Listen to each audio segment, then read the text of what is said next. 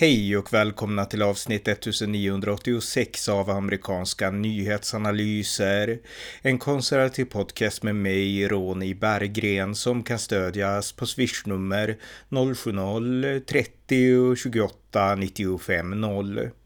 Ikväll den 7 november 2023 så hålls val i ett antal amerikanska delstater. De viktigaste valen hålls i delstaten Virginia, där hela delstatskongressen står på spel och där utgången kommer att bli mycket viktig för Virginias republikanske guvernör Glenn Youngkin. Här berättar jag om vad som står på spel ikväll i Virginia och i andra delstater. Varmt välkomna! Ja, det är den 7 november 2023 och det är en tisdag, vilket innebär att det är valdag i USA. Och i amerikansk politik så hålls ju de flesta stora valen på jämna valår. 2020 så var det presidentval, 2022 så var det mellanårsval och eh, nästa år 2024 så kommer det att bli presidentval igen. Men även på ojämna valår så hålls alltid viktiga val. Det är borgmästarval över hela USA, det är val till skolstyrelser och så vidare. Och eh, så är också fallet i år, 2023. Men i år så är det också tre viktiga guvernörsval i USA. Och eh, ett av de guvernörsvalen har redan hållits. Det var valet som hölls i Louisiana den 14 oktober. Där handlade det om vem som skulle ersätta eh, den sittande guvernören, demokraten John Bell Edwards, som hade suttit sina två mandatperioder. Och eh, där har man någonting som heter Jungle Primary och det var det då som hölls den 14 oktober. Och det innebär att alla kandidater oavsett parti, alltså både republikaner och demokrater, kandiderar på en och samma dag. Och om någon får över 50 procent så blir den vinnaren, alltså i det här fallet en ny guvernör. Eh, och om ingen når upp till 50 procent så hålls en runoff på valdagen, alltså nu den 7 november mellan de två toppkandidaterna.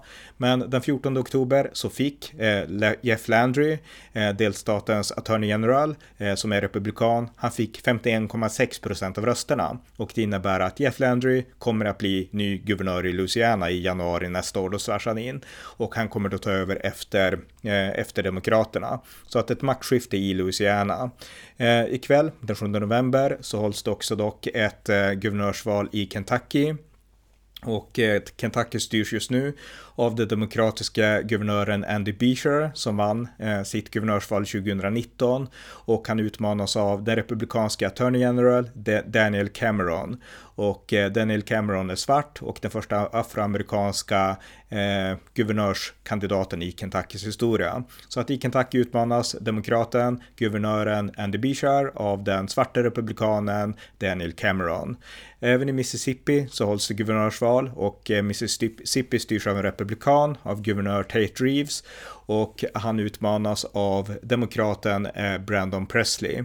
Så att eh, guvernörsval ikväll i Kentucky och Mississippi och guvernörsval har redan hållits och blivit avklarat i Louisiana. Eh, ikväll så hålls också många andra viktiga val runt om i USA. Dels är det ett extraval i Rhode Island och det är eh, ja, olika mindre val. I Ohio så röstar man om Mariana, om det ska legaliseras och eh, det är olika lokala val och så såklart borgmästarval överallt.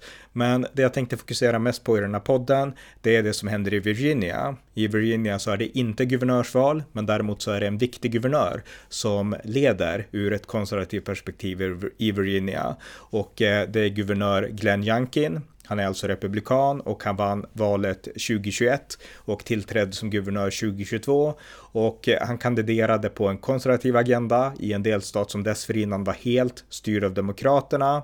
Eh, eh, innan Glenn Youngkin var demokraten Ralph Northam guvernör i, i, i Virginia och de har haft en rad demokratiska guvernörer i ungefär ett årtionde med undantag för Bob McDonnell eh, i Virginia. Så att eh, Virginia har varit helt demokratiskt. Men 2021 i valen som hölls då, då vann då dels Eh, Glenn Youngkin, han blev republikansk guvernör i Virginia och sen var republikanerna också en av de två eh, lagstiftande församlingarna i Virginia, alltså delstatskongressen, Virginia House of Delegates, vann republikanerna, men de vann inte delstatssenaten, den behölls av demokraterna.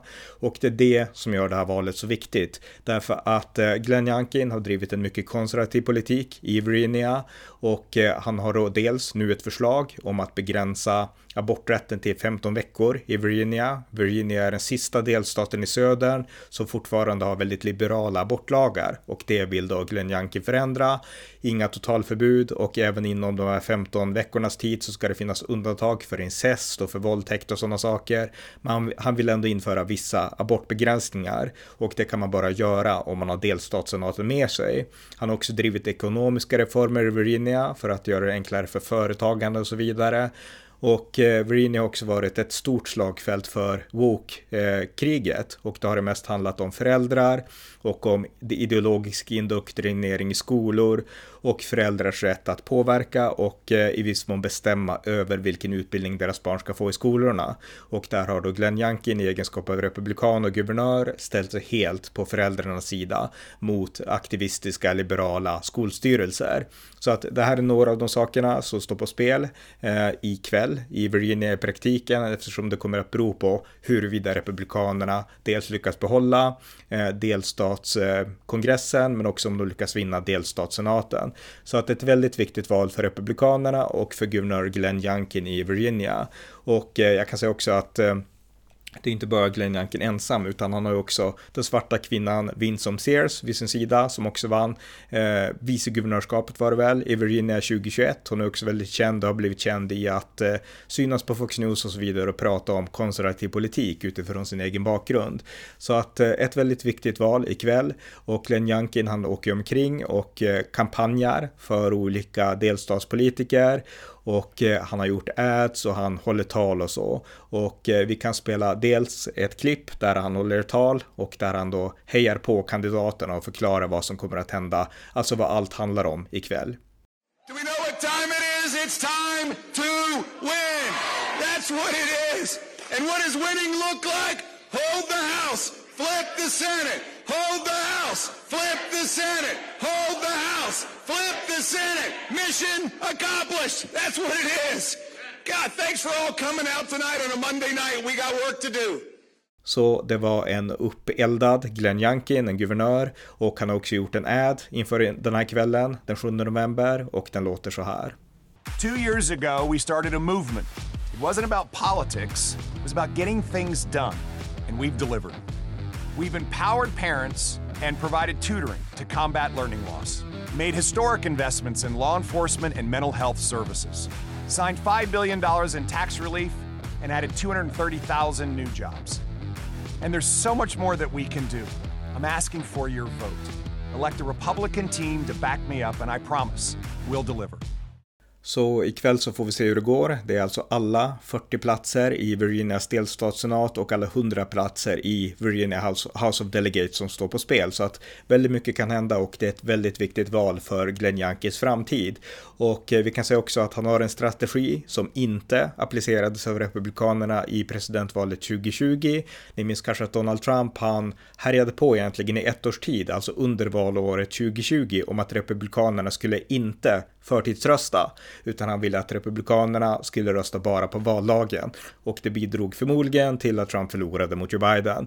Men Glenn Youngkin, han har precis motsatt strategi, oavsett var han än, än, än intervjuas, om det är på Fox News eller vart han än är så säger han samma sak. Gå ut och rösta, förtidsrösta, poströsta och eh, gör allt för att rösta när ni kan. Ni behöver inte vänta till valdagen utan rösta nu, rösta genast, rösta vid liksom första lämpliga tillfälle och säg åt alla era vänner och bekanta att göra samma sak. Så att Glenn Youngkin har motsatt strategi som den Donald Trump hade 2020 i hur republikanska väljare ska tänka och det är ganska intressant och det kommer också, också att studeras i efterhand om republikanerna skulle vinna, alltså framgången i den här Glenn Youngkin-strategin. Så att eh, det är också en intressant sak att ta fasta på. Men som sagt, eh, jag tänkte inte berätta så mycket mer och jag har inte hängt med i detaljer om de här valen heller, utan jag tänkte mest informera om att det är valdag den 7 november, alltså ikväll i USA och eh, det är viktiga saker som står på spel. Dels guvernörskapen då som jag sa i Kentucky och Mississippi, men kanske än mer om man följer den här nördiga, lite grann presidentvalspolitiken, det som händer i Virginia. Så att det kommer betyda mycket för Glenn Youngkin, resultatet där och det kommer också att bli en indikator prata lite grann inför 2024. Så att eh, häng med ikväll och jag kommer att göra en ny podd, en kort podd i alla fall imorgon, om eh, resultatet nu ikväll då amerikansk tid. Så att vi hörs igen om några timmar. Tack för att ni har lyssnat på amerikanska nyhetsanalyser. En konservativ podcast som kan stödjas på swishnummer 070-30 28 95 0 eller via hemsidan på Paypal, Patreon eller bankkonto.